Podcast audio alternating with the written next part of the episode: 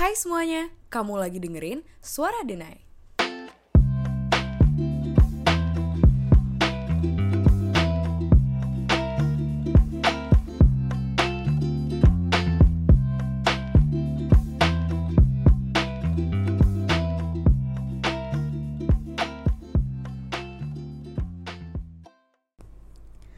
Hai semuanya, kembali lagi di Suara Denai bareng gue Aisyah Felis.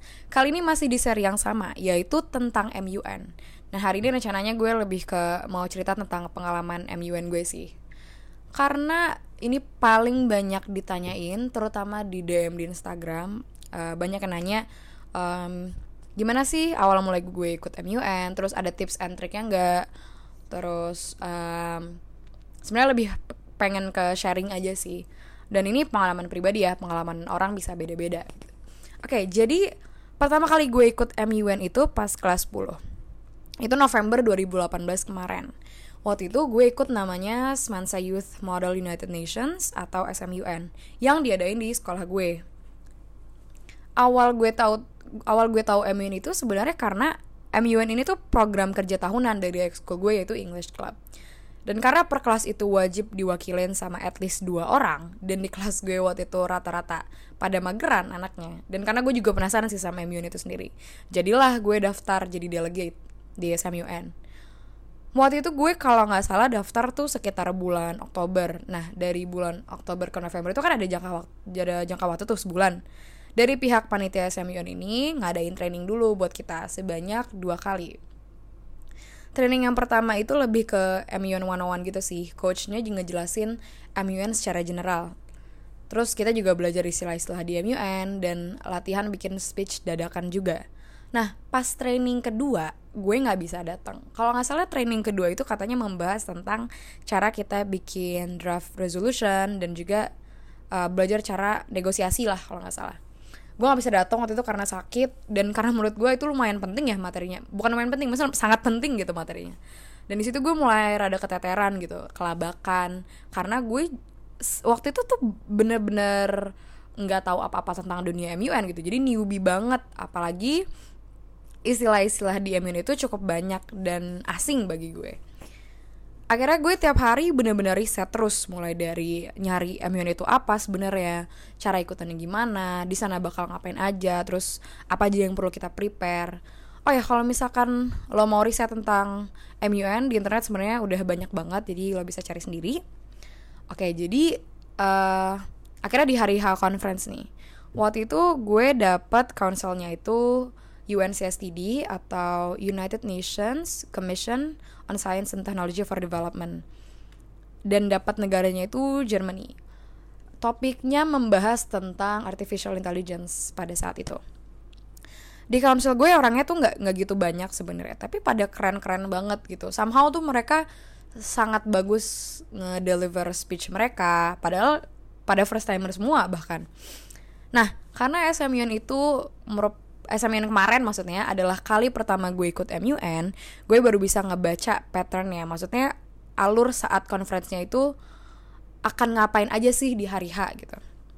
Akhirnya ya udah konferensinya udah kelar lancar walaupun sebenarnya deg-degan banget karena kita benar-benar harus menjadi kan perwakilan dari suatu negara dan lo tuh harus bikin speech berdasarkan fakta-fakta yang ada lo nggak bisa ngarang terus um, cukup cukup stres banget sih untuk meeting session yang dari pagi sampai sore dari jam sekitar jam 9 lo sampai jam 6 sore dan ada sekitar break dua kali 15 15 menitan. Dan itu cukup melelahkan. Dan pas awarding night alhamdulillah gue dapat best position paper dan verbal recommendation oke itu cerita tentang MUN gue pertama kali sekarang lanjut ke MUN kedua gue, yaitu di bulan Juli 2019 kemarin di Kuala Lumpur. MUN kedua gue itu namanya Global Youth Model United Nations atau GYMAN, diselenggarain oleh Globalization. Gue taunya dari teman Instagram gue gitu, kebetulan dia tahu gue pengen banget nyoba MUN yang internasional, makanya dia rekomenin ke gue. Nah, kalau ini waktu prepare uh, jauh lebih panjang ya dibanding dibandingin MUN pertama gitu. Gue daftarnya bulan kalau nggak salah Februari atau Maret gitu, gue agak lupa jadi kan dari uh, ambillah Februari ya sampai ke Juli gitu. Gue masih punya waktu lima bulan buat prepare. Nah karena gue berbekal pengalaman gue waktu prepare buat MU yang pertama kali akhirnya gue merasa lebih mantap juga. Dan gue sengaja gue udah bisa ngebaca pattern uh, ininya lah alurnya lah apa yang kita bakal ngapain aja sih nanti di hari H gitu. Karena udah pernah kan sebelumnya Nah akhirnya pas hari H conference itu gue cukup strategis. Gue ambil duduk di paling depan biar cheersnya bisa nge-recognize gue. Dan selama meeting session selama meeting session berlangsung gue tuh selalu raise my placard. Gue tuh selalu ngajuin motion dan juga speech. Perbedaan MUN yang pertama dan kedua ini adalah delegates di MUN kedua ini pro abis sih beneran padahal mereka sebenarnya banyak yang first timer tapi somehow mereka tuh pada bagus-bagus banget speechnya dan udah kayak orang sering ikut MUN gitu. Ini lucu banget jadi ini keren banget maksudnya. Jadi ada uh, delegate dia dari gue lupa kalau nggak salah dia asalnya dari India dan dia mewakili Spanyol waktu itu. Dan dia benar-benar keren banget menurut gue semua pidatonya itu udah kayak beneran diplomat dari Spanyol. Itu gue udah kayak ya udahlah lawan gue udah pada kayak gini semua jadi ya udah banget gitu. Dan gue sebenarnya sangat-sangat terinti terintimidasi saat itu. Apalagi karena memang gue sebenarnya paling muda waktu konferensi. Ini fun fact dikit sebenarnya batas sebenarnya minimal umur waktu gue ikut JWMAN itu harusnya 17 tahun. Dan waktu itu gue 15 eh, tahun. Makanya gue sampai harus nge-email sekretari general dulu sekretari generalnya dulu. Sebenarnya agak maksa sih jadinya.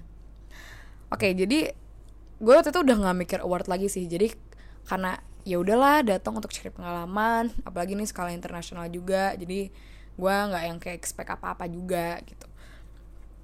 Uh, tapi akhirnya pas awarding nightnya itu sehari setelah conference-nya alhamdulillah gue berhasil dapat honorable mention satu-satunya dari Indonesia waktu itu yang dapat award. Nggak tahu hoki kali ya sebenarnya. Cuma sebenarnya lebih ke strategis aja sih kayak uh, lo tuh harus rajin raise your placard terus harus aktif kasih motion. Walaupun nggak semua motion gue tuh diterima. Beberapa motion gue tuh juga banyak yang kayak failed failed failed gitu. Tapi ya lo tuh harus sering-sering raise your placard biar lo bisa direcognize sama cheersnya gitu Oke, jadi sebenarnya ini teman-teman banyak banget yang nanya, kenapa sih gue MUN-nya nggak yang di Indonesia dulu? Kenapa berani banget? Kenapa mau langsung nyoba ke internasional dan lain sebagainya? Sebenarnya gue cuma modal nekat, asli. Dan modal banyak riset sih sebenarnya. Dan kalau dipikir-pikir, kalau dipikir-pikir memang jaraknya cukup jauh ya dari MUN yang setingkat sekolah sampai ke tingkat internasional. Cuma menurut gue kalau lo emang bener-bener pengen sesuatu ya lo mulai aja jangan nungguin temen. Karena kalau lo nungguin temen ya lo nggak bakal jalan-jalan gitu. Ini yang selalu orang-orang keluhin ke gue gitu. Mereka selalu bilang gue mau sih tapi gue nggak ada temen. Ya emang lo harus sendiri aja susah kalau lo kalau lo nungguin temen gitu. Ya waktu itu juga gue waktu memutuskan akhirnya ikut MU internasional ini gue juga nggak yang nyari temen kayak eh, ada nggak yang mau nemenin gue ikut uh, eh, JWMAN di Malaysia? Mereka juga ya ya susah juga gitu loh untuk cari temennya. Tapi terus kalau misalkan gue gak ada temen masa gue nggak jalan gitu kan? Nggak juga gitu. Terus juga buat yang lo soal bahasa menurut gue source untuk belajar bahasa Inggris itu udah banyak banget. Kalian bisa cari di Google di YouTube atau belajar di aplikasi belajar gitu kan sekarang udah banyak ya Intinya kalau kalian mau sesuatu, kalian memang harus sungguh-sungguh dan perjuangin itu. Harus lebih aktif buat riset, lebih rajin kumpulin informasi dari sana sini dan lain sebagainya.